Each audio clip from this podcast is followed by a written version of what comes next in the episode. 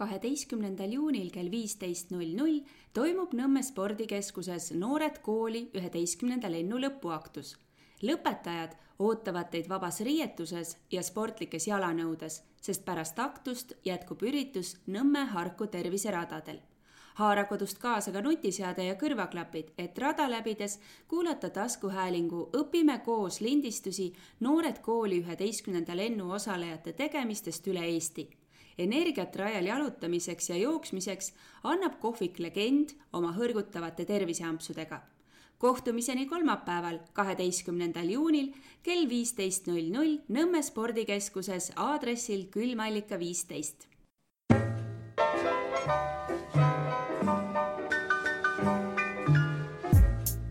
tere, tere, hea kuulaja, algab saade Õpime koos ning sinuga on Karin Tõevere. ja Signe Varendi. Täna on meie külaliseks Johannes Sats ja Hendrik Pillmann. tere, mehed. tere, naised täpselt. on ju. tere. tere, tere, noored kolleegid, võiks vist öelda ka. jah no teie, kes te seal koos olete, kindlasti juba teate oma elulugusid ja kuidas te jõudsite sinna Noored Kooli programmi, aga sa ütlesid, et külalised tulevad ka teiega jooksma et äh, nemad võib-olla ei tea kõike veel teie kohta, et äkki jagaksite siis kõigepealt oma tausta ja seda, kuidas te jõudsite üldse Noored Kooli programmi? Mina ei saa tegelikult kõigest nagu täpsemalt rääkida, sellepärast et minul läheb see ka raamatusse, siis ma hakkasin kirjutama minu Jõhvi raamatut. loodan selle varsti ka valmis saada, eks vaatame, kuhu me sellega jõuame. aga üldjuhul hakkasin mina lõpetama riigiteaduste bakalaureuse astet, eks ole. ja mõtlesin, mida edasi teha magistrikraadi omandama minna tundus alguses kuidagi vale ja mõtlesin, mida siis alternatiivina teha. Ja nägin ühte tuttavat Kristjan Lukk, eh, kui Kristjan juhtub seda kuulama, siis tervitused talle. Kristjani tegevust täpselt samas programmis ja, ja see tundus kuidagi õige. ja ühel hetkel ma olin juba selle sal-, salvestaja saada nuppu ära vajutanud, kus ma oma ankeedi ja kõik vajalikud andmed siis Noored Kooli meeskonna suunas teele olin pannud. ja ühel hetkel siis kutsuti mind näidistundi andma ja niimoodi ma tegelikult ka sellesse ringi jõudsin, aga algselt Ida-Virumaale mul tegelikult plaanis minna ei olnud, olen Jõhvis õpetaja, eks ole. aga elukaaslase isa ja õde ja vend elavad Jõhvis ja siis äh, selle kaudu vahest leidsin mingisuguse suuna sinnani. ja tegelikult äh, kõik need teised alternatiivid mis olid, need olid kuidagi keerulisemad. keerulisemad selles mõttes, et äh, ma ei oleks ilmselt saanud eri linnade vahel liikuda nii mugavalt, äh, kui ma seda teen Jõhvi ja Tartu vahel, bussiga, rongiga, vaheistumisega Tapal. seda peab kogu aeg ütlema, et otse ei sõida ju rongi. et niimoodi ma kuidagi Jõhvi jõudsin ja, ja siiamaani olen seal avaldad survet mingile siseministrile või ma ei tea, kes vastutab selle rongiliiklusest ja äkki kuulab Äh, ja mina jõudsin Aleksandr Puškini kooli inglise keele õpetajaks äh, kaitseväest. Töötasin kaitseväes mõned aastad ja, ja siis minu hea semu Kaarel, kes kindlasti jookseb ja kuulab seda asja. ise tegelikult kandideeris Noored Kooli lendu ja, aga ta õppis ehitusinseneriks ja ta ei teinud oma magistrikraadi ära tol hetkel. ja siis ütles, et aga Johannes, kui mina ka hää, võiksid sina minna. ja, ja siis tõesti noh õpetaja amet eh, nii-öelda paberil tundub täiega kutsuv, mis sa saad seista, rääkida, anda edasi teadmisi, olla tähelepanu keskpunktis, mõjutada noorte inimeste tulevikku, elu. noh, kõik need suurepärased hüved, tööaeg on paindlik, suved on vabad, särk-värk. selles mõttes need kõik asjad on olemas ka päriselt, onju. küll aga noh, võib-olla mõne, mõne miinusega, mis tulevad lihtsalt juurde ja mul tuleb meelde, et tegelikult me mitte kumbki ei soovinud saada nendeks õpetajateks või noh, see yeah. ainevaldkonna õpetajateks, mida me lõpuks ka andma läksime, et me soovisime saada ajalooõpetajateks. ja tegelikult mina loobusin ajalooõpetaja nii-öelda positsioonist Tartu Reistel selles mõttes ka, et, et Johannes saaks ajalooõpetajaks minna, aga noh, ta läks hoopis inglise keele õpetajaks, eks ole. jah, oli võimalus minna Kanepi gümnaasiumisse ajalugu õpetama või äh, ühte teise kooli Tartu lähedal, noh ja see inglise keel on mul nii-öelda nagu kõrvalejääva rohkem. aga samas äh, variant õpetada venekeelses koolis, isegi nagu Tartu, Tartu mugavuses on ju, on ka sihuke päris, äh, päris lahe ja kui ma vahepeal tunnen puudust selles, et ma ei saa oma õpilastega rääkida nagu otse alati. noh, et on mingisugune keelefilter, filter lisaks staatuse filtrile, kõigele muule juures, onju. siis teisalt on ikkagi hästi silmi, silmi avav kogemus sellisele keskmisele Eesti mehele. ütleme, keskmisele Eesti mehele, kes vene keelt ei oska ka isegi. et kuidas, kuidas, kuidas elatakse siinsamas kõrval kui sa seda ise avastasid, et saatmisnuppu juba vajutad, siis kindlasti ei olnud seal mitte lihtsalt võib-olla sinu CV ja, ja kõik, vaid te pidite ikkagi midagi nagu veel lisaks äh, kirjutama. Et miks te just tahate selle Noored Kooli programmiga liituda, et mis on see teie nägemus, mis siis hariduses peaks muutuma. et minu teada Noored Kooli just otsibki selliseid inimesi, kes nagu on valmis midagi enamat andma, et nad ei võta päris igat ühte tänavalt, on ju, vaid ikkagi see kandideerimine on päris omaette väljakutse. et mis siis oli see, mida teie nagu nägite, mis peaks muutuma, paremaks minema? jah, see kandideerimisprotsess on hästi pikk. Koosneb nii avaldustest, näidistundidest kui ka vestlustest, eks ole, aga, aga ma mäletan avaldusse ma kirjutasin küll, et, et, et ma pean oluliseks äh, ainete lõimimist ja nii omavahel kui ka päriseluga. ja kui nüüd küsida Johannes, et kuidas see siis tegelikult läheb, siis täna meil just oli ainelõimiga koosolek ja tegelikult päriselus on see raskem, kui, kui tundub niimoodi eemalt vaadates onju. aga ta on ka kindlasti vajalikum, kui ma ennem arvasin. Sest noh, ainete lõimimise kohta, eks ole, kaks varianti, sisemine ja välimine, et kas me justkui eeldame, et õpilane ise lõimib omal peas ära need asjad, need seosed tekivad erinevate ainete vahel ja, ja aga, aga tundub, et päris nii lihtne see ei ole.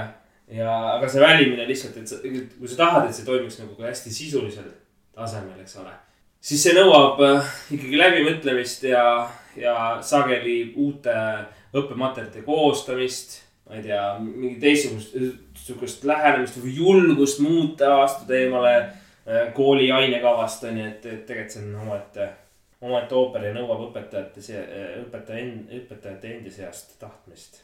et äh, ei saa olla nii, et üks õpetaja lõimib ja teised vaatavad pealt, ma väga pikalt mõtlen praegu juba, mida ma kirjutasin, tegelikult ei mäleta ka, aga ma tean seda, et, et tänu oma ajalooõpetaja, õpetajale Maja Nagelile Tartu Karlova gümnaasiumist, endisest gümnaasiumist, sest nüüd on põhikool. tänu temale ma soovisin ka mingil hetkel saada ajalooõpetajaks ja ma arvan, et puhtalt selle baasilt ma tegelikult ka võib-olla selle lõppkokkuvõttes selle salvesta ja saada nuppu ka ära vajutasin. kuid minu peamised mõtted tiirlesid selle ümber, et mehi on koolis vähe, lisaks noori õpetajaid on vähe ning loomulikult äh, tajusin ja tajun siiamaani, et vananeva õpetajaskonna ja õpilaste vahel on mingisugune barjäär tugev tekkinud äh,. ma näen seda oma koolis vähemasti, ma näen seda ka teistes koolides, ma näen seda meie koolides, kus me kõik seitseteist, eks ole, õpetame, et äh, kõik me oleme seda vähemal või rohkemal moel siis kuidagi nagu välja näitamas, nendest probleemidest rääkimas.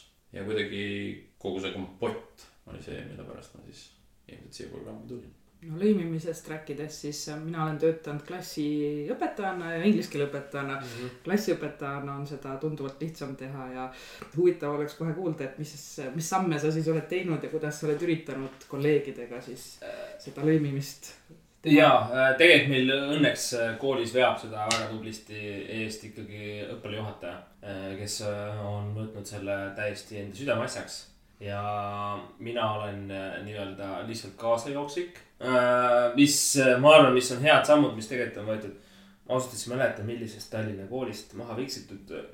ühesõnaga selline ühine no kuidas ma ütlen, et õpetaja on ka nagu looja on ju, kui õpetaja loob mingisuguse oma õppematerjali või mingisuguse meetodi või noh, mingisuguse mängu, midagi, siis, siis tegelikult tekib nagu sihuke äh, hästi loomulik tahe seda võib-olla mitte alati jagada, et mõelda, et noh, et eks ta, ta ise ka pingutab ja las ta ise ka teeb, aga selle, aga selle lõimimise see üks põhimõte ongi see, et, et kõik jagavad endale neid materjale. et see ei ole nii, et nüüd mina tegin ja järgmise aasta õpetaja, kes selles klassis õpetab, siis mõelgu ise välja või noh, et, et selline, selline hästi hea põhimõte. selles koolis, mille nime ma ikkagi ei mäleta, ma ei julge öelda ka, valesti raudselt kuigi need õpetajad käisid meil rääkimas äh,. Siis nemad äh, tegid äh, materjali, kõik, kogu aasta materjali nii-öelda ette, istusid kuskil terve mingi vaheaja koos ja tegid materjali ette. ja tänu sellele said nii-öelda nautida. siis meie koolis ikkagi käib sihuke nagu õhinapõhiselt, et nüüd jaanuaris tuleme kokku, mõtleme selle ühe aine või, või teema, mida me teeme, no meil näiteks seitsmes klassis oli kusjuures sealt tuleb üks kohe üks probleem juurde, ühesõnaga oli, oli teemaks Euroopa ja siis iga õpetaja ise nüüd mõtleb, et hea küll kuidas mina sellele küsimusele nüüd lähenen. Ja siis, et samaaegselt siis kõikides klassides räägitakse Euroopast. mis on, mis minu jaoks on sihuke nagu veidike madalam tase, lõimingu, lõimingu madalam tase või noh, et ta ei ole nagu nii hea, kui ta olla võiks. aga jah, et aineõpetaja probleem näiteks on ka see, et minul on klassid, on grupid. see tähendab, mul võib olla kolm erinevat paralleeli, millest üks on varajane keelekümblus, üks on hiline keelekümblus ja üks on vene keele õppekeelega klass, eks ole. Ja neid lõimitavaid aineid võetakse eraldi ja siis nii ongi. et ühtede keskne on murdeiga ja sellega kaasnevad iseärased kehalised ja teiste, teiste, teiste teise seitsmenda klassi, B-klassi teema on siis Euroopa ja siis, siis vaene inglise keele õpetaja peab kuidagi tegema mingi tunni, onju. kus tema enda teema, mida tahaks anda edasi selle nädala või kuu jooksul isegi. ja siis on need, need lõimitavad teemad, et, et on küll keeruline, jah. Kui rääkida lõimingust, eks ole, siis ma avastasin, et tegelikult lõiming on ilmselt minu nagu see valupunkt või nagu see kitsaskoht, eks ole, mida ma eriti hästi, hästi võib-olla nagu teiste õpetajatega ei oska teha ja mille pärast, sellepärast et mul on omal mitu ainet, millega ma pean nagu kogu aeg nagu taktis äh, koos käima, eks ole. aga mul on õnneks geograafia ja ühiskond, mida ma nagu vähemasti üheksandale suudan nagu omavahel nagu siduda. Ja eesti keele õpetajaga samuti saan kuidagi nagu arvamuslood näiteks äh, kuidagi siduda. aga üldjuhul teistes õpetajates, ma näen, et Ida-Virumaal on vähemasti minu ja teiste õpetajate vahel ka nagu selline vanuseline vahe, eks ole. ja need äh, alus, ma ei tea, põhimõtted, alustõed, kuidas koolitati, koolitati omal ajal õpetajaid välja ja kuidas koolitatakse praegu äh,. Need on kaks eri asja ja need lähenemised on hoopis erinevad ja need inimesed ei, kohati mulle tundub, et ei sobi isegi seda lõimingut nagu ellu viima mingisuguse mõju ma olen äh, oma koolis, ma arvan, et sisse viinud, kui nii öelda. aga ma näen seda, et praegune üheksas klass, kes lõpetab, sealt läheb kuskilt piir. et need, kes äh, peale tulevad, on rohkem harjunud tegelikult äh, nende vanemate õpetajatega. Aga need, see üheksas klass ja see üheksas klass, kes juba lõpetanud on. Need olid need inimesed, kes tegelikult vajasid seda nii-öelda noort inimest ja meesterahvast sinna naiste kollektiivi klassi ette nagu mingisugust ainet andma. et ma näen, et mul on tegelikult nagu väga sobiv hetk äh, ära tulla. no enne kui sa ära tuled, ma küsin seda, et, et läbi kahe aasta, mis, mis on teie elus muutunud ja mida on Noored Kooli teile andnud? kümme kilo. Plussi või miinust? plussi tulnud juurde äh,. puhas elurõõm siis nagu. puhas elurõõm jah, on, on jah, et muidu selles mõttes no see on see, aga see on see õpetaja elu pluss on ju, et sul ongi päev lõpeb pärastlõunal ja sul jääb aega nautimiseks, eks ole. mulle, jah, see kaks aastat on ikka pikk on ju, et neid muutusi ütleme nagu enesega, nii-öelda sisemisi, siis tegelikult ega Noored Kooli tegelikult paneb sinna ka rõhku. et sa märkaksid neid muutusi, et sa nii-öelda reflekteeriksid, et need muutused oleksid võimalikult suunatud või vähemaltki mingilgi määral, et nad ei oleks sellised hektilised. olen kindlasti muutunud enesekindlamaks õpetamise valdkonnas loomulikult. kasvõi needsamad asjad, need lõimingu asjad, et mida sa julged aineraames teha niimoodi, mis, mis võib-olla ei olnud päris selline, mida sinuga tehti, kui sina olid õpilane kümmekond aastat tagasi. ja isiklikul tasemel kindlasti, kindlasti ma, ma, ma jah, see ikkagi noh, see vene kultuuri teema ka, eks ole, et ma äh,. ma olen näiteks vene, vene, vene keele ja kirjanduse õpetajatega nii põnevad vestlused olnud, eks ole mingitel teemadel, millest ma isegi võib-olla ei teadnud ja nad räägivad mingitest keele nüanssidest, mulle vene keele nüanssidest, mis tulevad hästi välja, kuidas täna just rääkisime sellest, kuidas eh, sõna raad ehk rõõm ja raadost ja pff, see on mingi, ma ei tea, mingi kümme erinevat eh, sõna on sellest nagu alguse saanud ja vaesed eestlased on sellest kõigest silma jäänud ja ja noh, ma nüüd, kui ma, kui minu käest oleks keegi küsinud aastal kaks tuhat viisteist, et kuulge, et Eesti, Eesti koolid ja venekeelsed koolid, et mis võiks olla tulevik, siis ma ilmselt oleks öelnud, mis venekeelsed koolid pumm-pumm-pumm, noh, teeme ära ja reform ja küll kõik nagu. et nüüd ma nagu rääkides õpetajatega, siis neil on nagu siiras hirm on ju, neil on vale häbi enda keeletaseme suhtes. noh, lihtsalt kui nagu mõeldes selle peale, et okei okay,, nüüd teeme nii, et aastast kaks tuhat kakskümmend on kõik koolid eestikeelsed. siis need venekeelsed õpetajad, ta isegi siis, kui tegelikult oskab eesti keelt ja ta võiks õpetada eesti keeles, siis ta arvab, et ta ei oska ja ta põleks läbi. kui ta peaks minema eestikeelsete õpilaste ette näiteks noh, see oleks selline šokk, sest et tal on need endal need ebakindlused sees, sest et, et isegi kui meie arvame, et äh, Eesti noored ei mõtle venekeelsetest inimestest halvasti, eks ole. siis äh, venekeelsed inimesed sageli arvavad, et, et mõeldakse, et on mingisugused eelarvamused. ja, ja, ja ma arvan, et need on selles mõttes ikkagi mõnevõrra õigustatud. Need probleemid äh, venekeelse haridusega ärakaotamisega, mis ongi need, see teine asi, see kultuuriteema, noh et. et mulle tundub, et Venemaa kodanike jaoks on vene rahvas ikkagi kultuurrahvas ja ma ei tea, kas Helme vist ütles midagi siukest onju, et noh, et. et ongi kultuur ja, ja kultuur on väga keelega seotud ja. ja mul oli selle, sellel teemal hästi põnev vestlus Kõnskajaga ka. Tema oma õpilastele, oma lapsele, tema laps käib sellises Eesti-vene koolis, segakoolis, mis tegelikult võiks olla nagu teene ette sellel teemal ja, aga tema oma lapsega räägib ikkagi vene keeles, sest ta tahaks, see on nagu minu arust nagu nii siiras nagu tahe ikkagi, et ta tahab, et tema laps oskaks tema emakeelt ka. ja meie, eestlased ju tahame ka, et kui, kui me läheme kuskile välismaale tööle või võtame välismaa mehe või mis iganes, me tahame ka ikkagi, et meie enda laps nagu ikkagi nagu meie enda emakeelt räägiks. ja, ja vene keel ei ole nii lihtne, et kodus seda selgeks saada, selles mõttes, et kirjutamist näiteks vene keel ei ole nii lihtne, et seda ilusalt rääkida, et sa saaksid lihtsalt sellega, et, et sa ainult kodus räägid, noh eesti keelega tegelikult on sama lugu, onju. minu meelest see on, see on nii inimlik ja nii arusaadav, aga sellest, et ma sellest nüüd aru saaksin, ma olen pidanud kaks aastat töötama vene koolis, onju. Hendrik, aga sinu muutused, mida Noored Kooli sulle on andnud ja kas sa oled läbi kahe aasta muutunud? Ainetuutor äh, geograafia valdkonnas äh, andis mulle tagasisidet selles osas, et äh, ma olen ikkagi kahe aasta jooksul märkimisväärselt arenenud. seega ilmselt ma olen midagi ikka saanud. puhas humanitaar läheb loodusaineid põhimõtteliselt andma, et, et see oli nagu minu jaoks selline kuidagi oma mugavustsoonist väljatulek. egoistlikult ma pean ennast heaks õpetajaks, kes aga peab ajas ikkagi arenema, eks ole kuid kõige suuremad muutused, ma arvan, on ikkagi minu kui isiksuse juures toimunud. et ma arvan, et ma ei, ma ei tea, kas see olid sina, Johannes, kui ma panen sulle nüüd sõnu suhu, eks ole. või oli see keegi teine meie lennust, kes ütles hästi tegelikult, et Hendrik on noh, selle perioodi alguses, et Hendrik on äh, nagu noor kutsikas. muliseb palju äh,, on hästi aktiivne ja nii edasi äh,. ja nüüd ma olen vaikne inimene.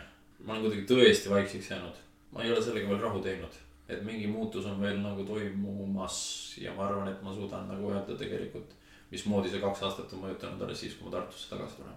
kas sa oled vaikseks jäänud, kuna sa oled väsinud õpetamisest? ma arvan, et mina olen personaalselt väsinud se- sellest, et ma olen nagu oma perekonnast ja lähedastest eh, eemal. aga jaksu klassi ees olla mul alati. Kui ma kell kaheksa lähen kooli, eks ole, siis ma lähen ja viin ennast kuidagi nagu sellest mõttemaailmast välja. ja siis, kui ma nagu koolipäeva lõpetan, siis, siis ma olen nende võib-olla muremõtetega või kuidagi niimoodi oma keskel edasi. ma arvan, et selle vaikuse üks nagu selliseid põhjuseid on see, et ma sain aru kahe tuhande seitsmeteistkümnenda aasta septembris, et ülikool on mind mõnes mõttes ära rikkunud. Selles mõttes, et, et see, kuidas ma proovisin ennast väljendada nendele kuuendikele, seitsmendikele, kaheksandikele üheksandikele. hästi spetsiifilise sellise raske sõnavaraga. ma tõesti mingil hetkel tajusin, et ma ei oska nagu viia oma sõnavara sinna kümme aastat nooremate tasemele, eks ole. siis praegu ma suudan ennast väljendada nende ees väga hästi, aga mul on tunne, et mina ise ei ole veel sellega nagu, nagu, nagu harjunud. Ja et ma tahaks seda rasket sõnastamist, seda rasket väljendusviisi kuidagi nagu tagasi. ja võib-olla ma olen sellepärast, praegu jõuan sinnani, eks ole, reflektsioon. võib-olla ma olen sellepärast ka enamus koolitustel niimoodi tihti kuula-, kuulaja rollis ja tähendan, täheldan nagu endale ise mõtteid nagu kuidagi märkmikusse üles ja, aga see on kindlasti areng, sest et, et öelda lihtsasti nõuab rohkem teadmisi kui et öelda raskesti, onju. tõsi, et äh, tegelikult selles mõttes on ju hea.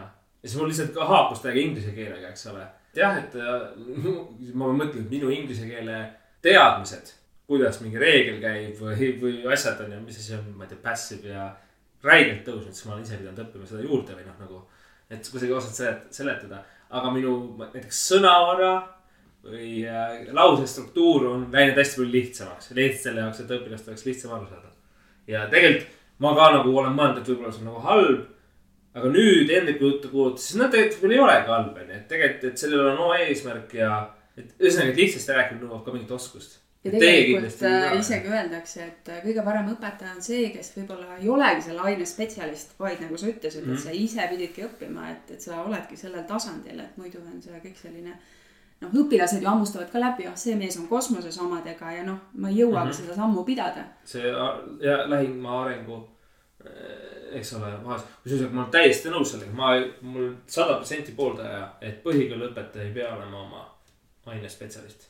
tegelikult põhikoolis palju rohkem kuluvad marjaks ära oskused inimestega rääkida inimesi motiveerida äh,. ma ei tea, mõelda mingeid välja, mingeid asju välja, onju. hoopis palju olulisem, no tõesti olulisemad kas, kas see on põhjus, miks noored kooli on äh, noorte õpetajate nii-öelda niisugune peamine kasvulava justkui, sest tegelikult nendest, kes on lõpetanud noored kooli, nendest me kuidagi kuuleme rohkem. Nendest on saanud koolidirektorid, nemad on hariduses eeskõnelejad, mitte need, kes on ülikooli lõpetanud. noh, te olete ka ülikooli lõpetanud, eks ju, aga noh, selles mõttes, et õpetaja koolituse mm. -hmm. tõesti ei tahaks vastandada. küll aga see sõel, et noored kooli valituks saada on hästi tihe ja nad lihtsalt otsivadki selliseid inimesi, kes ei, mitte sellised, kes oleks oma aine, aineerialaselt väga pädevad. Nad otsivadki täpselt sellist inimest, kes, kes julgeks kuidagi mingit muutust ellu viia. ja, ja seda ikkagi, ikkagi kõik noored õpetajad ei tee ja mina ka nagu enda arust ma ei ole üldse praktiliselt jõudnud oma klassiruumist väljapoole mingite tegevustega või, või, või veel vähem koolist. tahtsingi just küsida, Johannes, sinu käest, et see, mille pärast noored kooli sind üldse sellesse programmi võttis mm. -hmm. kas sa oled täitnud nende ootused ent, sinu arvates? No minu arvates jah, seda peaks küsima, jah, objektiivselt seda ei saa kindlasti hinnata, onju. seda peaks küsima nende, nende käest, kes valisid uh,. kas mina olen ise need ootused täitnud uh,?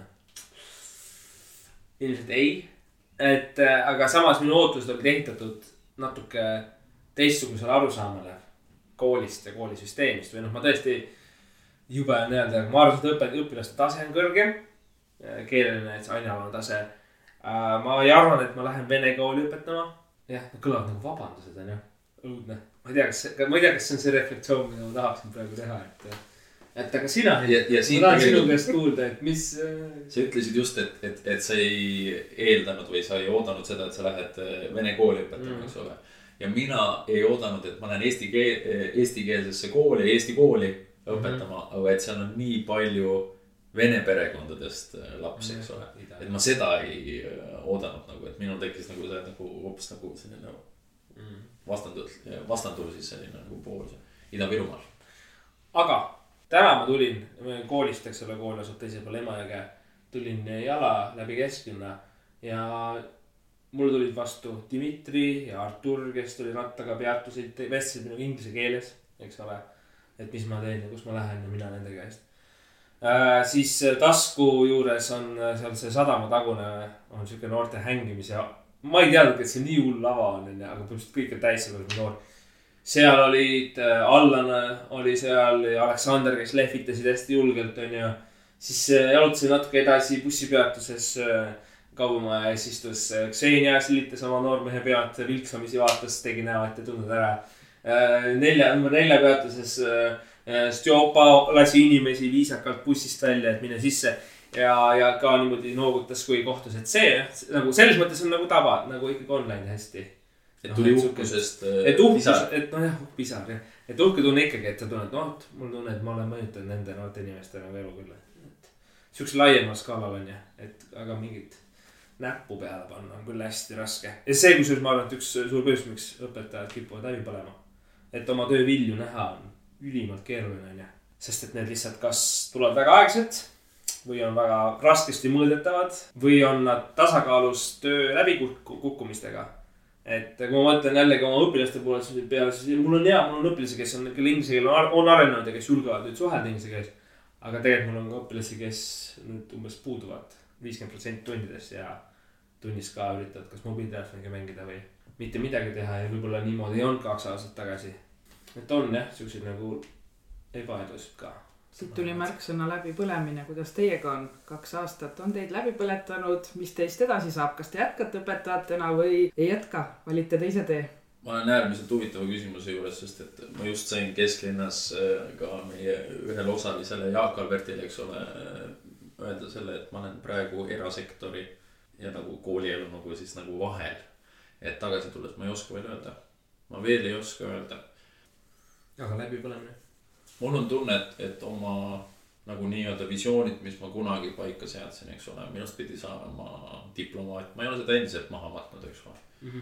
äh, edukas, ennast hästi väljendav inimene, ma olin pulmaisa, olen siiamaani äh,. aga kohati ma kuidagi näen, et mul on see kuidagi edukuse joon ajas kulgev, eks ole, et kui ta läheb sinna taeva suu-, suunas. aga ma olen kuidagi nagu selle nagu joone nagu alla suunas nagu kuidagi suunanud ise ja mul on tunne, et ma olen selle läbipõlemise efekti nagu läbi teinud kuidagi. milles läbipõlemine seisneb, ma ei oska öelda. aga minu jaoks on see pigem nagu võib-olla nagu kuidagi, võib-olla ongi see, milline ma praegu olen, on selle läbipõlemise nagu tulemus. vaiksem, ekstraverdist sai kuidagi introvert. ma arvan, et see äh, kaks aastat õpetajana andis mulle tegelikult kõige rohkem äh, seda, et ma saan aru, et ma tahaks sealt, sellelt astmelt tähendab kuidagi nagu edasi liikuda veel. ma mõtlen nagu ka mm, haridussüsteemi juhtimise peale. sest et kuidagi ma näen seal võib-olla kõige suuremaid probleeme. oi, kuidas ma tegelikult mõtlen seda, et, et jah, ma tulen Tartusse tagasi, eks ole. aga see Hendrik Aguri tulemine Ida-Virumaale, ma ei tea, mul tekitas kohe nagu sellise tunde, et oh, vot see on lahe et eh, selline koolijuht, ma ei oska öelda, kas ta on hea või halb või, või kuidas me nagu seda defineerime. aga ta tõmbas selle Ida-Virumaa elu kuidagi nagu käima teistmoodi.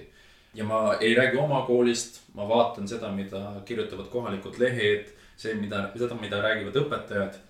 Ida-Virumaa koolide juhtimissüsteem, ma ei taha öelda, et on halb, aga ta on teistsugune kui teistes Eesti, Eesti koolides, mis jäävad Purtse jõest siis lääne poole nii-öelda kas ta on teistsugune selles mõttes, et äh, ta on mingis asjas nii-öelda kinni, ta jookseb oma ratta peal ja ta ei ole muutusteks nii-öelda niivõrd äh, aldis, kui on võib-olla linnakoolid, et kuuleme siit, kuuleme sealt ja proovime järgi. või on neil see hirm, et nad peavadki muutuma, sellepärast et muidu äkki kaotatakse venekeelne haridus Eestis üldse ära. ma näen seda tegelikult äh, rohkem õpilastes, kes tajuvad, noh, kui sa loed neid ühiskonna arutlusi, see, kuidas, kuidas nad tundides ennast väljendavad. Nad tegelikult tunnevad, et, et see Ida-Virumaa on Eestist eraldatud. kui me võtame selle tselluloositehase rajamise juba, eks ole, mis oli aktuaalne eelmisel õppeaastal. kui tartlased äh, hakkasid sellele täielikult vastu, eks ole ja siis äh, kuskilt tuli see idee, et aga paneme selle Ida-Virumaale, eks ole. et, et viskame selle või lükka- või noh. lükkame selle Ida-Virumaale, eks ole. Et lapsed äh, tajuvad seda, et, et Ida-Virumaa ongi selline koht, kuhu koondub see kuidagi nagu see riigi negatiivsus, eks ole. Et kui midagi on, siis paneme jäägid sinna, eks ole. et just ongi, et on Eesti Vabariik ja Purtse jõest siis ida poole jäävad alad. et õpilased äh, väljendavad ennast äh, niimoodi, et nad on sellest, noh, nad ei ole Eesti osa, nad ei tunne seda. tunnevad kindlasti mingisugustes küsimustes, aga mitte nagu tervikuna. aga õpetajad äh, ei väljenda seda, aga kuidagi nagu see juhtimisstruktuur, ma ei tea, soodustab seda või kuidagi nagu see ise nagu liigub selles taktis, et, et nad ei tahagi võib-olla olla selle ülejäänud Eesti sarnased. aga see on minu, minu hinnang nagu selles suhtes, et ma ei hakka, hakka nagu ühelegi koolile, eks ole, nagu niimoodi näpuga näitama. näpuga näitama. samas ma ma ei saagi seda teha. ja mind selles mõttes ikkagi kõnetab see teema küll, et, et need samasugused vastandumised ükskõik ühiskonnas, ükskõik mis teemal on, kas me räägime. Ma ei tea, piirilepingust või, või et kes tulistas esimesena Ida-Virumaal on ju. et need selles mõttes ikkagi kuidagi võib-olla, ma spekuleerin rämedalt, mõjutavad ka seda õpetajate no mitte ainult juhtkonna, vaid ütleme venekeelsete õpetajate vastuvõtlikkust mingisugustele juhtnööridele, mis tulevad justkui need Eesti ministeeriumist on ju, või noh, et, et seal on ka ikkagi nagu natukene need pooled. ja, aga samas jah, seesamas tõesti see surve muutuda on ju, surve olla lahe. et see, see surve ja see vastandub ka sellest hirmust, et kui me nüüd ei ole piisavalt head, siis võib-olla äh, kaotatakse see venekeelne kool ära, on ju, ja siis me tõesti peame näitama seda, et kuidas meil keelekümblus toimib ja siis tehakse seal võib-olla Potjomkinit, on ju. et, et kuidagi, et see, et see surve on nii-öelda niisugune nagu, nagu noh, see pinge, mis peaasjalikult ikka tuleb keele, keelepoliitikast. et see ei ole eriti edasiviiv, vaid pigem just nagu takistav ja, ja hägustab hästi palju vett. võib-olla ma lähen nüüd oma selle temaatikaga natukene sinust eemale, aga minu meelest Mine. natukene haakub. on see, et äh, mulle meeldis, kuidas mu üks üheksandik äh, ja ei mäleta, kes see oli, eks ole, muidu ütleks nime, ütleks talle aitäh. selles osas ma hakkasin mõtlema selle üle, et ta arutluses kirjeldas seda, kuidas äh, noored on valmis mõtlema olevikule ja tulevikule mm, -hmm. aga õpetajad ei lase seda teha. Mille pärast, sest et kui me nüüd äh, võtame korraks aja maha ja istume õpetajate tuppa, kui me kuulame eri õpetajate nagu ma ei tea, kooskäimistel, erinevatel koolitustel õpetajaid, siis käib mingisugune, mingisugustes lausetes ikkagi läbi see, milline oli nõukogude aeg. õpilased olid paremad, onju, kuulasid rohkem õpetajatest, peeti lugu. Koormus oli väiksem, materjalid olid paremad, kõik oli parem, õpetajatelt ei oodatud nii palju asju, õpetaja ainult õpetas, ei pidanud mõtlema mingitele asjadele, ikka oli parem. ja see konkreetne õpetaja, õpilane, tähendab, mitte õpetaja, õpilane ütles oma arutluses minu meelest väga hästi, et, et me võiksime nagu sellest juba loobuda. elame olevikus, vaatame tulevikku ja ta tõi sinna ka paralleelselt nagu selle kõrvale, et, et tegelikult miks, miks me peame sildistama, et eestlane või venelane, eks ole. Et mul on Eesti pass, ma räägin küll kodus eh, vene keelt, eks ole, aga ma olen eestlane täpselt sama palju kui, kui mõni teine, eks ole. et miks see sildistamine peaks toimuma, tema arvamus. ja, aga samas minul on õpilasi, kes, kes ei tahaks, et nad ole- või noh, et ei taha, et neile viitatakse kui eestlasele. et kas ta ongi Ukrainast on ju, kas ja on hästi nõme sõna see uus sisserändaja on ju, aga et on sellised on ju. on mõned õpilased, kellel on hästi tugev selline vene, vene identiteet ja nad ei tahakski seda, seda nimetust, et, et eestlane või, või, või midagi et see ongi Aga jah, see keeruline. ja, ja, ja, aga see sildistamine on, et ega minagi jah, et, et mõnikord ma tunnen küll väikest sihukest kohmetust klassi ees. et kuidas ma nüüd sildistan et kas ma võin küsida, et kuulge, et aga kes, kes teist kavatseb valima minna, ai või. või et ma ei tea, kas teie ema valis, siis ai, tal ei ole kodakondsust noh, ma ei tea, parlament, mis iganes. et ja on nagu mingid siuksed kohad. reisimine näiteks Venemaale. Jälle nad noh, räägivad suvevaheajast ja, ja ütlevad, et käisid Pihkvas või Peterburis ja siis ma on nagu, et oo, et tahaks nagu küsida, et kas sa pidid viisat ka taotlema või said nagu minna vabalt või. noh, aga see, noh, see, see on kuidagi siuke nagu tundlik teema ja, ja see võib olla minu enda peas on ju. aga siuke nagu kohmatus ikkagi tuleb. mind hakkab üha, üha enam huvitama see, et tegelikult ma ei ole jõudnud teiste õpetajate tundidesse, eks ole. ma sooviks näha, milline on see rahvusküsimus, eks ole, nagu kuidas teised õpetajad äh, lahendavad seda. Sest et mul on üha enam tunne, et see nõukogude aeg mm, ongi eestlastele negatiivne, eks ole. ja, ja sellest tulenevalt äh, need praegused äh, nii-öelda kasvandikud, kes meil kodudest ka välja tulevad, eks ole, on äh, hoolimata sellest, et nad ei ole näinud seda perioodi, mina ka ei ole näinud seda perioodi, eks ole. on võtnud omaks selle, et nõukogude aeg oli negatiivne, kes oli selle negatiivse süsteemi loojaks, venelased, eks ole mm, Mhm. -hmm. siis toimub see vastandumine. Et Ida-Virumaal tegelikult klassikollektiivides on seda vastandumist. on väga palju seda vastandumist, on klasse, kus on seda vähem, on klasse, kus on seda rohkem. ja seal ongi pigem nagu see, et ma sooviksin teada, millised on need nagu nii-öelda negatiivsuse kuidagi nagu põhjused mm. -hmm. et miks nad on üksteise vastu, aga mul on tunne, et, et see on Kodust kuidagi kodust. see, see on hea, noh, mina, minu, minu kool, eks ole, on ju, ju, ju Tartu linn on ju Eesti linn, noh, no on ju. aga ega on õpilased, kelle, kelle, kui me räägime eesti keele õppimise kontekstist, kes, kellele õpetaja kirjutab siis, et noh, et võiks harjutada eesti keelt mingis noh, nagu päris kontekstis ja lapsevanem kirjutab vastu, kus ma seda, kus ta seda harjutama peaks, on ju. ja, ja, ja sealt ongi, et noh, et ma mõtlen oma, oma õpilaste peale, siis äh, kui me räägime näiteks äh, sarjade vaatamisest, jah, täna tuli uus Game of Thronesi osa välja mul veel vaatamata. et äh, siis vene õpilased pigem ei vaata neid samu sarju, mida vaatavad Eesti õpilased, eks ole, nemad pigem vaatavad äh, Sense Off, supermodell Ukrain, Otuhatv Meksiko äh,. noh, sest et sealt tuleb lihtsalt täiega, ma ei taha öelda kvaliteetset, aga sellist meelelahutust, mis on kõrge, kõrge tootmisväärtusega, eks ole. kui Eesti noored siis eestikeelset, noh, ma ei tea, mingit padjaklubi või ma ei tea, mida nad vaatavad noh, ei ole lihtsalt nii, vaadatakse inglise keelt asju ja sealt muidugi tuleb see keeleline taseme erinevus ka. Aga samamoodi näiteks spordialad, eks ole. Sorry, Hendrik, hokimees. aga Eesti õpilased peaasjalikult ikka mängivad kas korvpalli või jalgpalli äärmisel juhul on ju.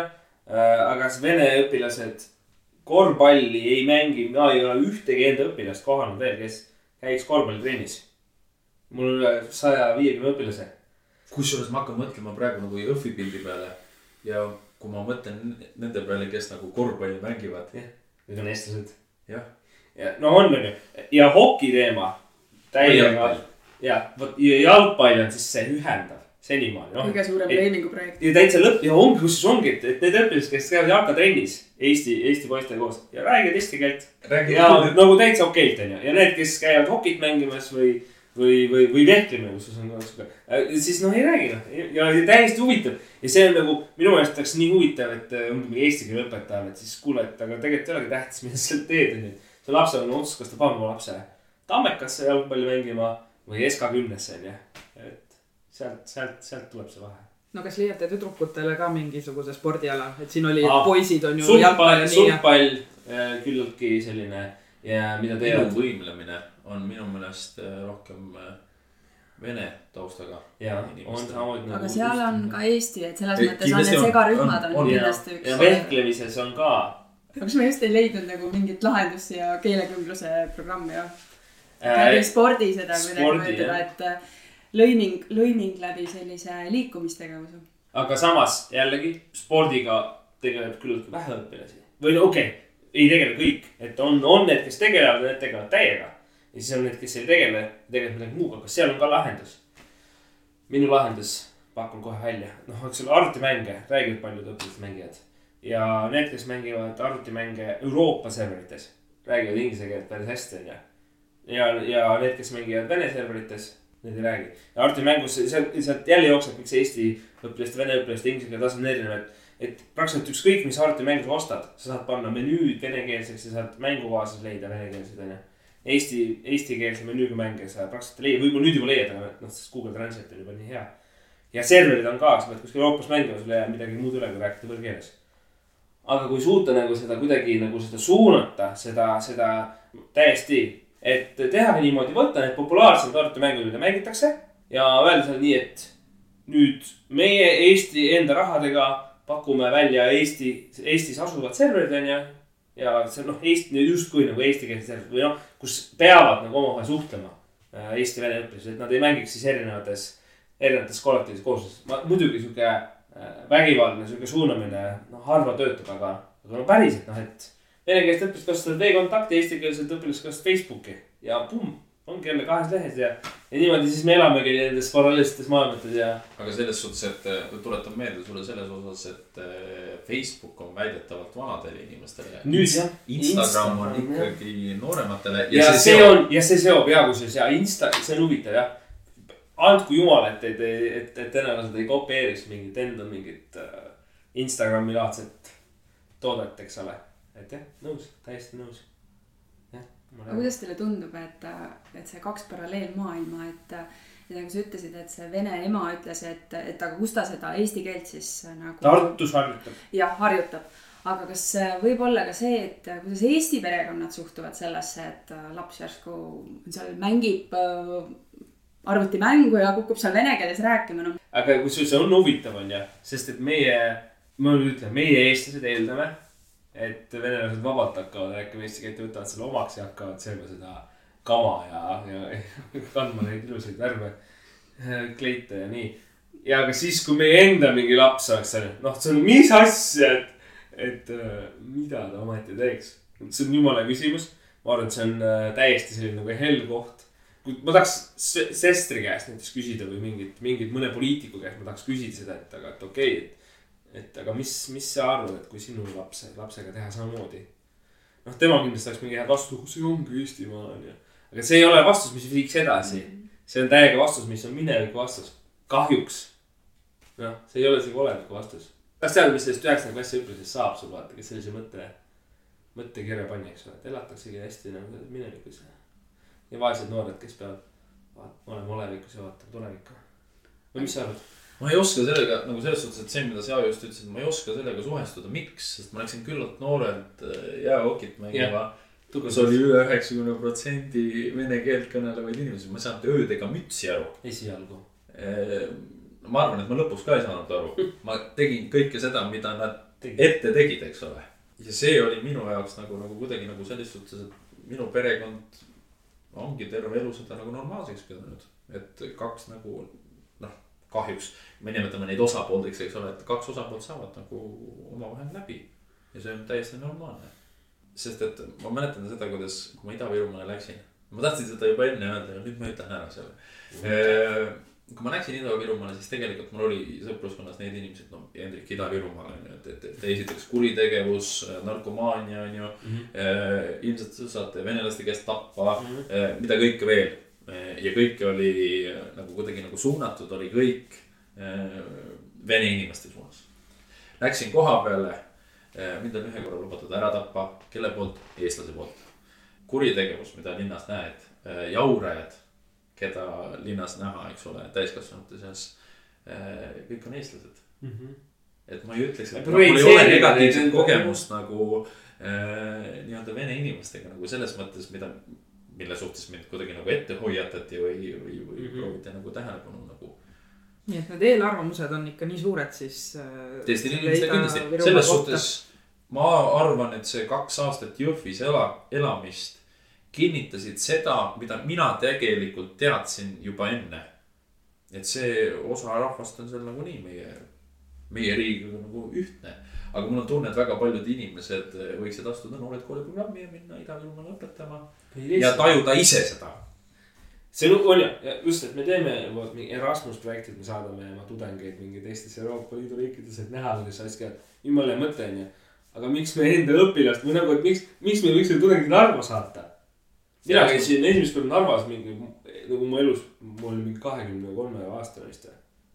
noh, Jõhvis ma ja mu tädi on seal, ma seal mingi, elas vanatädi seal külas käinud mingi mõned korrad, ühesõnaga täiesti noh, null, aga vot. Strasbourgis käisime gümnaasiumis mingi klassiga on ju, noh mingid siuksed asjad, aga et. et ei ole samamoodi mingi õpilasvahetused, mis nüüd tahetakse teha ka, et nagu, et, miks me peame vahetama mingi Belgiasse oma õpilasi või miks me ei või siis lihtsalt Eesti vene koolide vahel näiteks vahetada? Või, või tegelikult isegi ei pea olema Eesti vene koolides, võib-olla Eesti Eesti kooli vahel. no aga see, see toimub, minu poeg käis, äh, käis Narva koolis vahetusõpilasena. see oli lühike aeg, oli äkki kümme päeva ja. või midagi sellist. Ja, ja siis äh, samal ajal tuli vene poiss meie kooli. Äh, see on minu poja hinnang, et äh, mitte keegi temaga nagu selles mõttes mm -hmm. ei olnud suuteline eesti keeles suhel-, suht-, suhtlema, et nad rääkisid pigem inglise keeles mm. -hmm ja nad olid sõbralikud, noh, kõik kommid, kingitused, värgid mm, -hmm. noh, kõik oli sihuke vene hing on he, nagu lahke ja kõik oli väga okei okay.. Eesti poiss või see vene poiss, kes meie, meie koju tuli, rääkis eesti keelt äh, no rahuldavalt mm. -hmm aga ma ootasin, et ta räägib paremini mm, -hmm. aga ta oli väga avatud. tema tahtis nagu hullult suhelda, mängida mm, -hmm. ta tahtis õppida. ma kujutan ette, et minu poeg oli seal umbes, et pani ukse kinni ja et ta yeah. ise oli ka nagu selline hoopis teistmoodi, aga ta tegi selle läbi. võib-olla me olemegi oma ootuste puhul nagu ootused kuskile liiga kõrgele seadnud yeah. ja siis, kui me asume nendega rääkima, eks ole, siis me tegelikult minu meelest me väljendame oma keha, keelega, ilmetega nagu kõigega seda, et, et nad ei vasta sellele mm, -hmm. eks ole et me võib-olla, ma ei tea, kuidagi halb on öelda, et ootused allapoole lasta, eks ole. aga nagu selles suhtes, et me võiksime olla avatud eh, suhtlemisel kuidagi niimoodi, et, et me ka neid nagu toetame, sest tegelikult ma ei näe, et eestlased eh, venelastega, kes proovivad eesti keelt rääkida, eks ole. et nad kuidagi nagu toe-, toetaksid. aga ma tahtsin öelda, et mul on ka käinud õpilas eesti koolidest ja ka lõpuks et oli tore, aga millestki aru ei saanud. täpselt, väga hea, aga seda võiks nüüd skaleerida ülesse noh, et ongi nagu rohkem, et, et mitte me ei räägi, et minu tutvusringkonnas on üks inimene, kellel on laps, kellel on selline kogemus, vaid kõik ongi oma elus see läbi teinud, et miks mitte nagu, see on nagu nii et tänapäeval tegelikult see on juba nii lihtne, et isegi see kodus teemeolek äh, tänu wifi'dele ja internetile, et see on, lapsel on palju vähem kurnav, kui, kui oli kahekümne aastat tagasi mingi lastelaager, mis oli täiega šokk. Äh, et noh, et see, see tegelikult, noh, need võimalused on ja seda lihtsalt tuleb teha, see kokkupuutepunkti teha ja isegi kui kümnest lapsest ainult üks nagu leiab sealt sõbrad ja hakkab suhtlema, see on juba palju parem kui, kui see, mis praegu on. räägime õpilasvahetusest, eks ole. Äh, aga lähme lihtsa asja juurde, et, et kui teistes Eesti Vabariigi koolides, mis jäävad Purtse jõest, eks ole, lääne või lõuna või äh, ükskõik mis ilmakaare suunas, ühesõnaga Ida-Virumaalt väljapoole. koolides käivad esinemas erinevad nii-öelda inimestele tuntud näod kui aga Ida-Virumaale kutsuda inimesi, siis ma ei, ma ei saa öelda seda, et inimesed ei tule aga väga suur osa inimestest näeb seda, et, et see distants näiteks Tallinna ja Narva vahel, Tallinna ja Jõhvi vahel on tegelikult juba nii suur, et noh, ei ole nagu kuidagi nagu kurb on öelda, et ei ole mõtet tulla. et nad ei näe nagu mingisugust, ma ei tea, kuidagi nad ei suuda ennast reklaamida või, või, või, või, või kuidagi nagu huvi tekitada, et nad, nad võib-olla nagu ise ka natukene kardavad. aga kindlasti on ka neid äh, julgeid, kes, kes käivad niimoodi ilma mingisugust tasu ootamata. jah. Te olete valesid inimesi kutsunud, et mul tuleb kohe meelde Kristi Saare, kes ütles, et investeerimisest, et, et ma Tartus, Tallinnas kõik teavad, räägivad rahast, eks ju, aga, aga minu sõnum jõuab just nimelt nagu sa ütled, seal teisel pool jõge ja seal kaugel Ida-Virumaal. Mina olen nende jaoks siukene vau, et ma avan nende jaoks mingi täiesti uue luugi, et, et te peate lihtsalt otsima paremaid inimesi. kui õppeaasta alguses mina olen tavaliselt nagu teinud seda, et õpilased äh, täidavad nagu sellise infolehe, väikse lehe ära, et keda nad ootaksid tundidesse, eks ole. siis me räägime erinevatest äh, räpparitest, eks ole, muusikutest, erinevatest riigitegelastest, kes nagu ei tule. aga kui me hakkame sealt kontekstist nagu võib-olla nagu kogu selle ühe koma kolmele miljonile inimesele, mitte just kõigile tuntud nimesid otsima, siis nemad on nõus tulema. mina olen ka lahendanud selle lihtsalt, et mu lihtsalt sõbrad käivad nagu. aga just ongi, ma ei tea, kes on äh, mingi programmeerija on ju. ma ei tea, ehitusinsener on ju, räägib mingit omast asjast. siis ma sain ühe kooli vilistuse rääkima mingit omast asjast, et, et ongi, et sa nagu noh, kuidas sa seod selle, selle, mida õpilane õpib, selle tuleviku kasuga, see on ka motivatsiooniga seotud. Et kuidas sa seod selle ja seda, et sa, on väga raske siduda niimoodi, et sa räägid mingitest ametitest, vaid palju lihtsam on see, et kui keegi tuleb ja räägib ja tegelikult on olemas see tagasi kooli programm selle jaoks ja, ja kõik vahendid, aga küll aga inimesi hirmutab see, kui nad peavad tulema rääkima venekeelsetele õpilastele. minu puhul nad peavad rääkima inglise keeles, mis hirmutab veel topelt, et võib-olla mul on sellepärast raske leida. ma toon ühe näite, et, et võib-olla kui keegi kuulab, keda on kutsutud, aga kes ei ole tulnud, eks ole, Ida-Virumaalt näiteks. Siis üks kõige ehedam ja kõige parem näide üldse, kellega mul nüüd vahetu kontakt on ja keda ma ootan nüüd enne õppeaasta lõppu veel enda juurde ka, on äh, nagu täna ajalehest lugesin, staartrummar äh, Reigo Ahven. Reigo aktivistina äh,, ütleme niimoodi võib-olla ma teen Reigole nüüd liiga, eks ole, aga vene perekonnad teda ei tea aga kui ta tuleb rahva ette, see, kuidas ta suudab nagu siduda, sõltumata sellest nagu, mis keelt sa räägid, milline on su kodukeel, ükskõik. nagu kuidas ta suudab ilma sõnadeta ühe trummiga panna kuulama inimesed ja sellega nagu saata korda nagu midagi tõesti imelist. ja, inimesed äh, kuidagi nii ülehindavad seda suhtluses seda keelt. noh, tegelikult, et seal on nagu nii palju neid kõrgemaid ja madalamaid tasemeid veel, kuidas, kuidas leida seda seost alates ja nii, et, et on. põhimõtteliselt me oleme praegu leidnud äh, kaks lahendust juba keele Jah., keelekümblusele, et tegema, teeme sporti, eks ju, mis Jah. ühendab. ja tegelikult seesama muusika, et äh, teeme ise muusikat, me oleme ise Signega oma lastega seal käinud, et kui lapsed teevad mingi, tegelevad mingi väga põneva asjaga, siis noh, see keel on täiesti teisejärguline, nad keskenduvad tegevusele ja see keel tuleb iseenesest. aga Hendrik, sina ütlesid, et, et sa näed nii palju probleeme äh, just nagu kõrgemal tasandil. Mis probleeme sa näed? ma ütleks harimatus. nagu selles suhtes, võib-olla ma lähen nüüd kuidagi nagu sellest sõnast veel omakorda kaugemale. aga minu meelest on väga palju äh, õpetajaid just selles vanemas kontekstis ja juhtkondades, mis on ka tegelikult võrdlemisi ka Vanem vanematest inimete, vanematest inimestest äh, okei, koosnevad. Need vanemad inimesed äh, omandasid oma hariduse äh, ikka aastakümneid tagasi. Ja ma ütlen, et, et see paber, mis nad, paber just nimelt, paber, sest me, meie haridussüsteem keskendub väga palju ka paberile. see paber, mida nemad omal ajal omandasid, ei pruugi olla praegu enam nagu selline, mille peale me saaksime ehitada väga hea tuleviku. aga sellepärast tehaksegi nüüd äh, täiendkoolitusi. ja tehakse see uus õpetaja Kutsestandard. on ju, millega ma läksin reeglit vaidlema ministeeriumis, ma ei tutvustanud seda ja. teen kriitikat selle nimel kohe kõikidele jah. Sest seal on see on õpetaja kui õppija, jumalast hea point on ju. ja siis ma lihtsalt küsisin, okei okay,, aga kas sellega kuidagi arvesse võetud, kelle vastutus see on, et õpetaja õpib. ja siis äh, ta, äh, inimesed ministeeriumis ütlesid, et noh, et loomulikult õppija enda vastutus. millega ma põhimõtteliselt olen ka nõus aga kui selle jaoks ei looda tingimusi, ja noh, siis nad tõid näited, et näed, et õpetajad, seitsekümmend protsenti õpetajatest saavad endale koolitustele minna, kuhu tahavad ja hullult palju aega kulutavad seal koolitustel, aga tegelikult lõpuks lihtsalt ei kasuta neid asju ja, ja, ja kuidagi nagu räägiti väga selles mõttes äh, õpetajatest justkui nagu halva, halvas mõttes, et justkui on antud variandid, aga õpetajad ei võta neid. siis tegelikult lõppkokkuvõttes see süsteem, seesama see kutsestandard ei võta minu meelest arvesse nagu õpetajate koormust. kuidas annavad õpetajad koduseid tööd, onju. niimoodi mõtled, nii, minul on homme tund, mul oleks hea, et selle töö kõik ära teeksid. Nüüd on stuudiumis ja ilmselt e-koolis tuleb ka mingi märge, et sellel õpilasel on juba kaks kodutööd selleks homseks päevaks mahuga nii ja nii.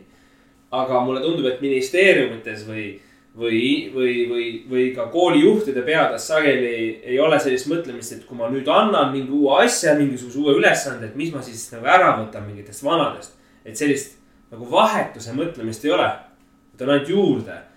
ja kui teha see kutsestandard selliselt, et õpetaja ennast harib ja mõtleb ja mitte kordagi mõelda selle peale, et kuidas see koormusesse seonduvalt suhestub või, või et noh, et meil on paika pandud maksimaalselt mingisugune leping, maksimaalselt kakskümmend neli kontakttundi ja. ja me isegi ei mõtle selle peale, et äkki peaks selle koha siis ümber mõtlema või tegema uue arutelu, et äkki võiks siis kakskümmend kolm tundi olla näiteks või mis iganes. siis minu arust on juba eos läbikukkumise ohus, et me anname ja me ei võta midagi ära. ja selles mõttes ma tahaks kaitsta neid nii-öelda vanema generatsiooni õpetajaid ka, et, et noh, ei ole lihtne. mida vanemaks sa saad, seda raskem on omandada uusi teadmisi, uusi kogemusi, kahjuks. kindlasti. mida mina tajun kõige rohkem on see, et, et, et ma tajun ka endal nagu kohustust, eks ole, nagu ajas ennast täiendada, eks ole, ja tõsiselt täiendada. aga mul on tunne, et lihtsalt väga mitmed inimesed eh, suhtuvad sellesse kuidagi kergekäeliselt. ja lisaks nagu tegelikult, kui me vaatame seda olukorda, kus eh, me käisime koolitusel just, mõttemõru koolitusel koos on ju käisime jah. ja, ja pool huumoriga niimoodi, ma tean, et sa ei mõelnud seda. aga pool huumoriga me mõtlesime, et noh, saime vaba päeva, eks ole Jah.. siis väga paljud inimesed Tehti. tegelikult käivad koolis õpetajatena koolitustel mitte sellepärast, et ennast täiendada, vaid sellepärast, et nad saavad vaba päeva. aga, aga ja täpselt, see, nad ei taha seda vaba päeva mitte sellepärast, et oleksid halvad inimesed, vaid sellepärast, et nad tahavad vahendust. sellepärast, et neil on nii jõhker koormus peal, onju.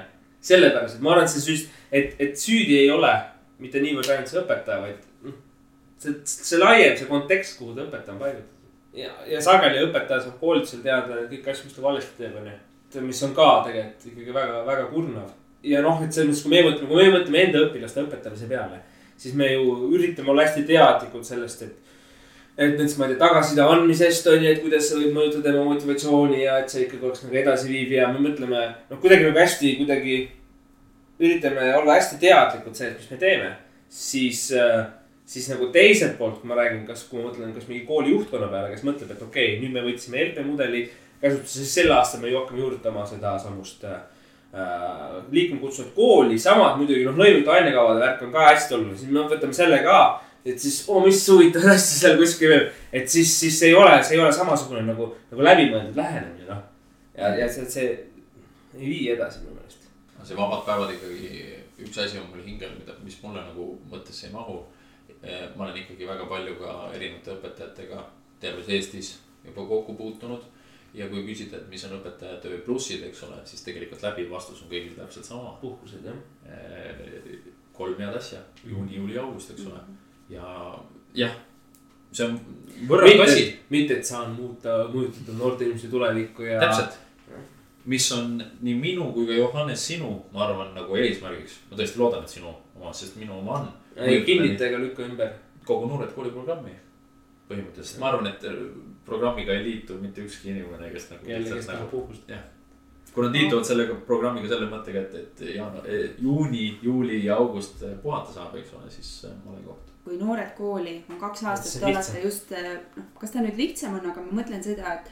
et kas te tunneksite, et noh, näiteks kolmandal aastal koolis, et olete millestki ilma jäänud, tahaksite mingit toetust. kas sa näed seal mingit probleemi, et, et kahe aasta pärast need ägedad noored mehed, kes on Eesti kooli jõudnud, ei läheks ära sealt koolist. minu meelest on nagu natukene mugavustsoonis äh, istumine on see, et mul käivad tuutorid ikkagi või sul ka tuutorid käivad vaatlemas tundi, eks ole. Teisel aastal küll vähem kui esimesel aastal, aga nad käivad vaatlemas ja sa saad mingisugust tagasisidet nagu tagasisidet, mis tuleb neutraalsel staadiumil mm. -hmm. mitte sellel staadiumil, mida käib näiteks õppealajuhataja või keegi vaatlemas. kes on mõjutatud võib-olla ka teiste arvamusest, eks ole mm. -hmm. et, et võib-olla see on nagu minu jaoks nagu minu enesearengu juures väga oluline, et keegi vaatlemas käiks. aga ma arvan, et seda saab ka organiseerida niimoodi, et, et, et ka seda väiksemal, äärmiselt väiksel määral äh, ka tulevikus teha, kui ma peaksin õpetajana jätkama. ma võtan siin mõttesabast kinni, sõnasabast kinni, et see mõte, et, et kuidas teha nii, et jätkaks ka kolmandal aastal, eks ole. ja see mulle tundub, et noored inimesed tahavad seda väljakutset, eriti kui veel laps ei ole. siis sa oledki valmis nagu möllama ja, aga õpetaja töös areng, kui me räägime karjäärialaselt, on küllaltki lühike võimalikus, võimalikult, eks ole, ma ei tea, hakkad õppejuhatajaks ja siis äkki direktoriks või et millest, ma arvan, millest võib jääda ka puudu, kui me ei räägi läbipõlemisest, vaid räägime mingi edukast inimesest, kellele meeldib õpetada, siis ta vaatab, noh, et see on keeruline. et võib-olla jääb puudu just sellisest äh,. ma ei taha öelda väljakutsest, aga sellisest nagu teadlikust või toetatud enesearengust. sest et see sinu eneseareng on hästi sinu enda õlul, jah, võib-olla kord aastas su, su direktor teeb sinuga selle arenguvestluse, aga. aga sul ei ole sellist nagu mingit püüdlust või sellist, sellist, et ütleme et õpetaja töös on äh, see võluvalu on see, et hästi lihtne äh, on kukkuda rutiini. hästi lihtne, see on võib-olla hea on ju ka, aga et sa ei tunne enam sellest tööst mõnu või et sul ei ole muud asjad ja ma arvan, et ka see on see põhjus, miks inimesed võivad jätta selle töö pooleli, eriti inimesed, kellele meeldib nagu muutus ja vaheldus ja asjad on ju. et, et seal võib-olla võiks olla mingi, see on sihuke poolik mõte, et see mõttekoht, et kuidas nagu julgustada või toetada selliste aktiivsete noorte inimeste jätkamist koolis ma loodan, et kui ma järgmisel aastal näiteks peaksin õpetaja olema, eks ole, siis äh, kõik direktorid, kes kuulevad seda ja kellel ma võib-olla oma töö äh, noh, CV ja asjad saadan, eks ole. siis mina prooviksin ikkagi sedasama stiili jätkata, esmaspäev, teisipäev, kolmapäev, neljapäev. miks? sest et see reedene osa annab mulle võimaluse tegeleda asjadega, mida ma soovin teha sealt kõrvalt. ja lisaks annab hea võimaluse tegeleda mingite kontrolööde panemisega, mõtled mingeid tunde ette, onju. lõiminguid planeerida. üli, üli hea. sest keerukas asi, mis minu juures on, ma pean ikka jätkama, vaata, sa ajad mu mõtte, mõttelõnga Palun. ikka. keerukas asi, mis minu puhul on minus sees, on see, et ma tahan olla õpetaja, aga ma ei taha olla ainult õpetaja. et ma tahaks olla sealt kõrvalt klassijuhataja. keegi. ma ei soovi olla klassijuhataja. Sest ma arvan, et ilma selle klassijuhataja rollita olen ma parem õpetaja nagu klassi ees nagu oma ainete valdkonnas. et ma soovin olla õpetaja, aga ma ei taha olla ainult õpetaja. ma tahaks olla midagi nagu kõrvale veel. kes? ma ei oska sulle veel öelda, vastata, võib-olla ma ei taha vastata. Võib-olla see ongi praegu see küsimus, mis vajab lahendamist, et need õpetajad, kes on kolmkümmend aastat koolis olnud, nemad ongi tahtnud olla ainult õpetajad mm, -hmm. et kunagi oli see, et said ameti ja hoiad kümne küünega kinni sellest, sa olid õnnelik, et sa said. aga tänapäeva noored, kes tulevad, nad tahavadki projektipõhiselt Jaa. töötada ja teha natuke siit ja sealt või Jaa. niimoodi, et sellest aru saada ja võimaldada seda mm. -hmm. ma arvan, et natukene minu koolis oli ka natukene raskesti mõistetav teiste õpetajate poolt oli see, et, et mismoodi tuleb geograafiat andma inimene, kes ei ole geograafiat õppinud. et me hakkame tegelikult vaikselt mingisugustest hübriid, ma ei tea, kas on õige öelda seda hübriididest rääkima, kes võib-olla omandavad midagi ühtemoodi, hakkavad võib-olla koolis andma natukene nagu teise nurga alt, eks ole. et, et, et kui ma riigiteadusi õppisin, eks ole, ajalugu kõrvale ja siis ma läksin geograafiat andma aga vastava nagu taustaga selles suhtes, et keegi toetas mind ikkagi selles valdkonnas, siis noh, minu meelest see toimiks ka nagu suuremas pildis. Kui seal oleks ka mingi toetus taga, eks ole. mida ka sina mainisid, et Jaa. põhikoolis ei peakski olema ainespetsialistid ainult, vaid see on muud asjad nii-öelda õpetajana õpetajal on tähtsamad. see tööriistakast olemas, valdan metoodikat, oskan seda distsipliini ho- hoida, oskan nii-öelda anda oma teadmisi ja panna lapsed mõtlema, eks ju, arutlema mm. -hmm. küsimusi esitama, julgelt oma arv arvamust avaldama. aga ma tahtsin tegelikult öelda, seesama, võtan ikka jälle sellest sabast kinni, et see, et juhtkond teadlikult nagu toetaks sellist noore inimese mõttemaailma, täiesti, täiesti nõus. sest et tegelikult alustab igal aastal üle viiesaja õpetaja. ja noh, ei ole need alustajad kõik ei ole need noored inimesed, kes ülikoolis on, vaid, aga moel või teisel on nagu igal aastal viissada uut või kaheksasada. see number oli tohutult suur. see on selle no, seda statistika jagas selle, see äh, alustavat õpetajat toetav kool. aga aasta lõppedes on neist alles seitsekümmend viis protsenti ja viie aasta pärast ainult viiskümmend protsenti. et seal on täiega, et tegelikult see probleemi koht, see sõnastus ei peakski olema nii, et kuidas me saame uusi inimesi kooli, vaid kuidas me saame neid hoida seal koolis ja see on, see on täiesti, see on sada protsenti see küsimus, et, et, et kuna me oleme ise andnud siin vabariigi ajal, eks ole, eriti kahe tuhande peale seda haridust niimoodi, et õpilased äh, justkui nagu projektipõhisem ja, ja me tahame, et nad oleksid hästi loovad ja, ja ei teeks nagu asju lihtsalt nagu tambitult, vaid, vaid, vaid, vaid kuidagi nagu leiaksid uusi lahendusi. et siis nüüd me üllatume, et aa, et aga need uued õpetajad ei taha ka niimoodi töötada, et istuda samal kohal, et miks me üllatunud oleme, onju. aga samas, kui, kui koolijuht on ka vanema generatsiooni esindaja, siis, siis neil, siis loomulikult tekib jälle see mittemõistmise koht. et mis mõttes sa tahad tahad, ma ei tea, ühel päeval nädalas bussijuhina töötada, et mis sa mingi loll oled peast või? Aga tegelikult see oleks ju võimalus. aga proovime sõnastada, mida me siis tahame, me tahame vähemalt, et äh, üks äh, tööpäev oleks selline, kus me saame tegeleda nende asjadega, mis meile on ka olulised, eks ju et äh, mis iganes me teeme. mis on suure tõenäosusega meie tööga seotud. kuidagi. aga see on inimese keskne, võib-olla kõigile ei sobi. absoluutselt, mina olen sulle, mina kirjutan kohe alla, ma võin kohe ka kaks päeva vabaks võtta. et aga mis need veel on? et ei oleks ainult need juuni, juuli, august, vaid oleks veel, mis need hüved on, mis äh, noori kõnetaks? paindlik tööaeg kindlasti mm. -hmm. Ja, mis tegelikult toetab sedasama enda nende erialade või, või, või huvialadega töötamist. see ilmselt see ühine nimetaja on nagu mingi noortega töö on ju. ütleme nii, et äh, kindlasti õpetajal on õpetajad, kes tahaksid juhtida näiteks näiteringi, aga ta ei tahaks seda juhtida lisakoormusena on ju kindlasti õpetaja, kes tahaks juhtida robootikaringi, aga ta ei tahaks juhtida seda lisakoormusena. et, et just see nagu see nagu see, see mõttekoht, et seesama reede või noh, et ma tean, et seal rahvusvahelises koolis on projektinädala asemel juba järgmine arendus on äh, see huvinädal või passion week. Mhm. Passion on siis äh, iha, kirenädal on ju.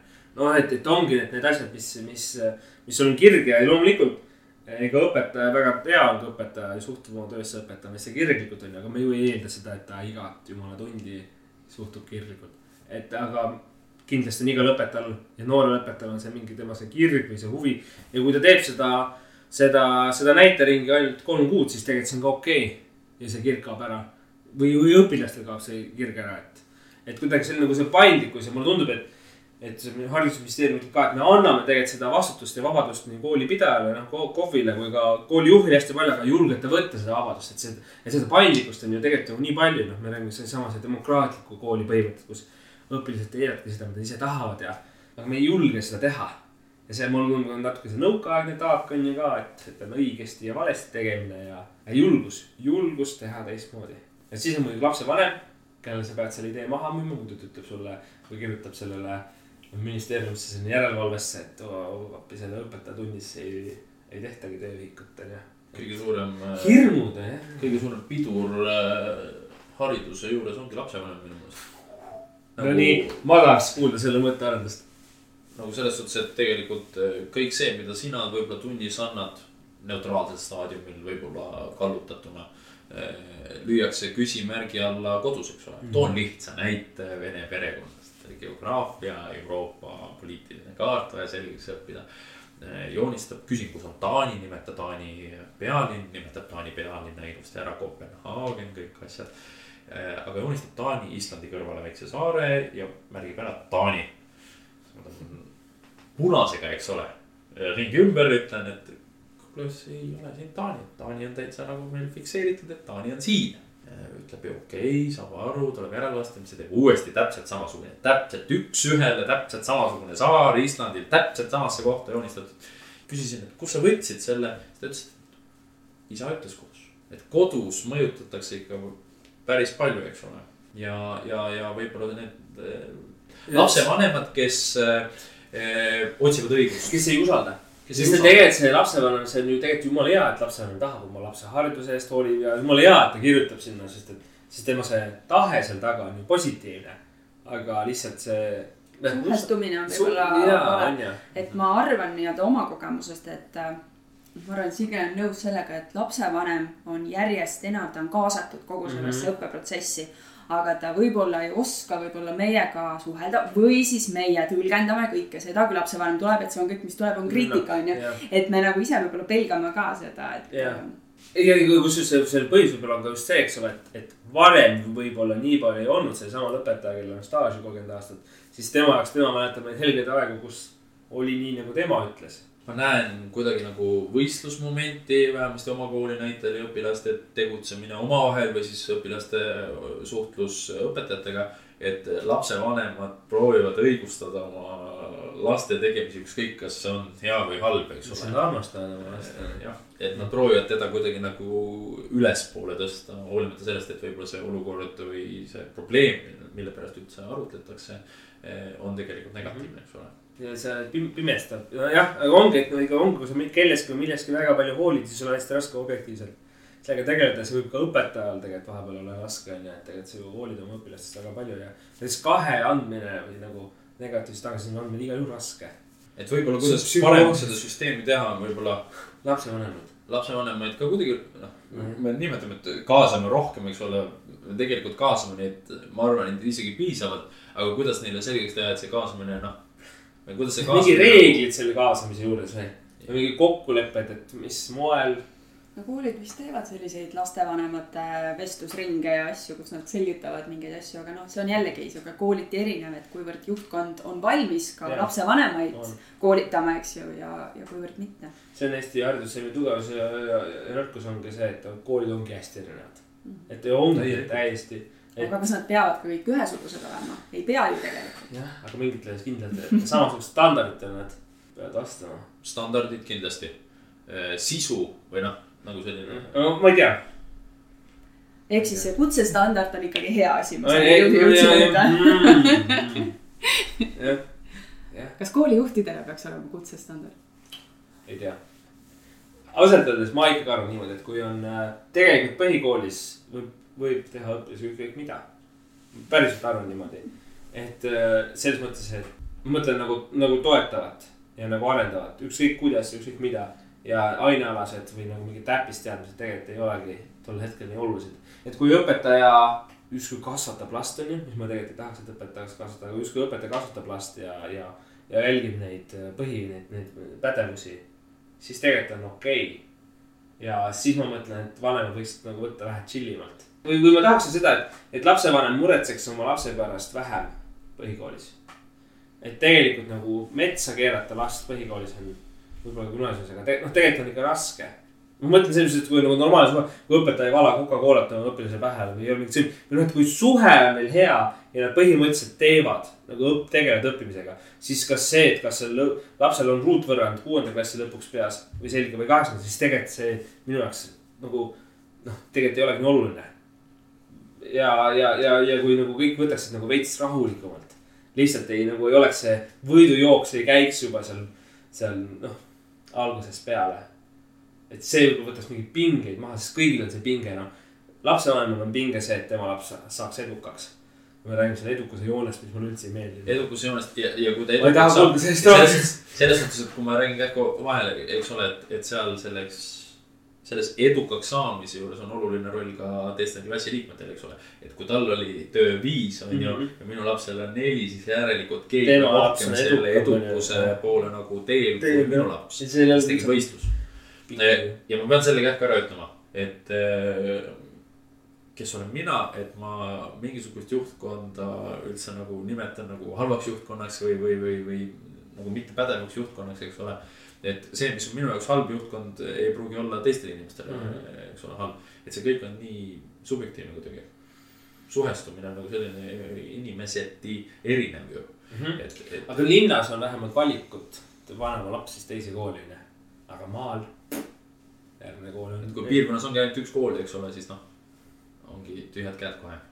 ja siis on võib-olla need sõdimised ka suuremad, et Ida-Virumaal me näeme tegelikult neid äh, kooli ka ma kujutan ette jah, et maakoolis on võib-olla see mõnevõrra raskem, et või noh, sest neil ei ole valikut, siin on selg vastu seina ja nad võitlevad rohkem ja linnakoolis siis on nagu okei okay.. võib-olla on see hariduse mm, peamine probleem see, et, et me ei usalda üksteist, et äkki võiks sest need hakata. on meie lapsed on ju, noh, kuidas sa usaldad enda last. ma räägin, et lapsevanem ei usalda kooli Mm., juhtkond võib-olla ei usalda nii palju õpetajaid, õpetaja ei usalda nagu kõiki juhtkond ei. usalda oma õpetajat sellepärast, et koolipidaja ei usalda juhtkonda on ju, noh et, et sest sest et nad vaatavad kooli, pidaja vaatab kooli ju- juhtkonna poole, kui midagi valesti. ja tänu sellele siis kooli juhtkond üritab hoida, et ei läheks midagi valesti ja kõik oleks õiges suunas. et see ongi see, see mitteusaldamine lihtsalt on nagu nii mitmel tasemel see ja mitteusaldamine siis- kandub ka üle õpilastele ja siis ongi tere tulemast, selline surnud ring, et, keegi ei usalda teist nii et hakkame usaldama üksteist. okei. Hea mõte. et ma võiks, ma arvaks, et me oleme selle usalduse noh ära teeninud õpetajatena. jah, ja päris õpetajad on ju nagu tubli õpetajad on õppinud magistri tasemel seda täitsa lõpp noh. võib-olla selle vestluse käigus ma tõmbasin liiga palju äh, vaip-, võtsin lihtsalt selle kätte. vestluse raames äh, võtsin vaiba alt ära nagu äh, mingisuguse õpetajad. ja vanadelt ja- aga ma juhin tähelepanu siin, et äh, vanadeks me tituleerime ennast ise, mina kavatsen seitsmekümne viieselt ka noor olla. ma olen ikka viisteist. aga aitäh teile, et te tulite ja ma ausalt öeldes teeks huviga teiega kunagi viie aasta pärast ja siis kümne aasta pärast uuesti saaks kokku, räägiks haridusteemadel. kui teil endal lapsed on, et mis juttu te siis ajate, kui te päriselt äh, lapsevanemad olete nagu, ja päriselt äh, natuke vanemad olete kui viisteist. aitäh teile. aitäh teile, aitäh teile tõesti. oli tore. järgmise korrani Kuulmiseni kui sinagi said koos meiega täna uusi mõtteid ja inspiratsiooni, siis anna taskuhäälingule hoogu juurde, likei, jaga ja kommenteeri meie postitusi sotsiaalmeediakanalites. kui soovid taskuhäälingut Õpime koos toetada, siis täname sind annetuse eest MTÜ Tartu Loomemaja arveldusarve kontole. kõik vajalikud lingid leiab saate kirjeldusest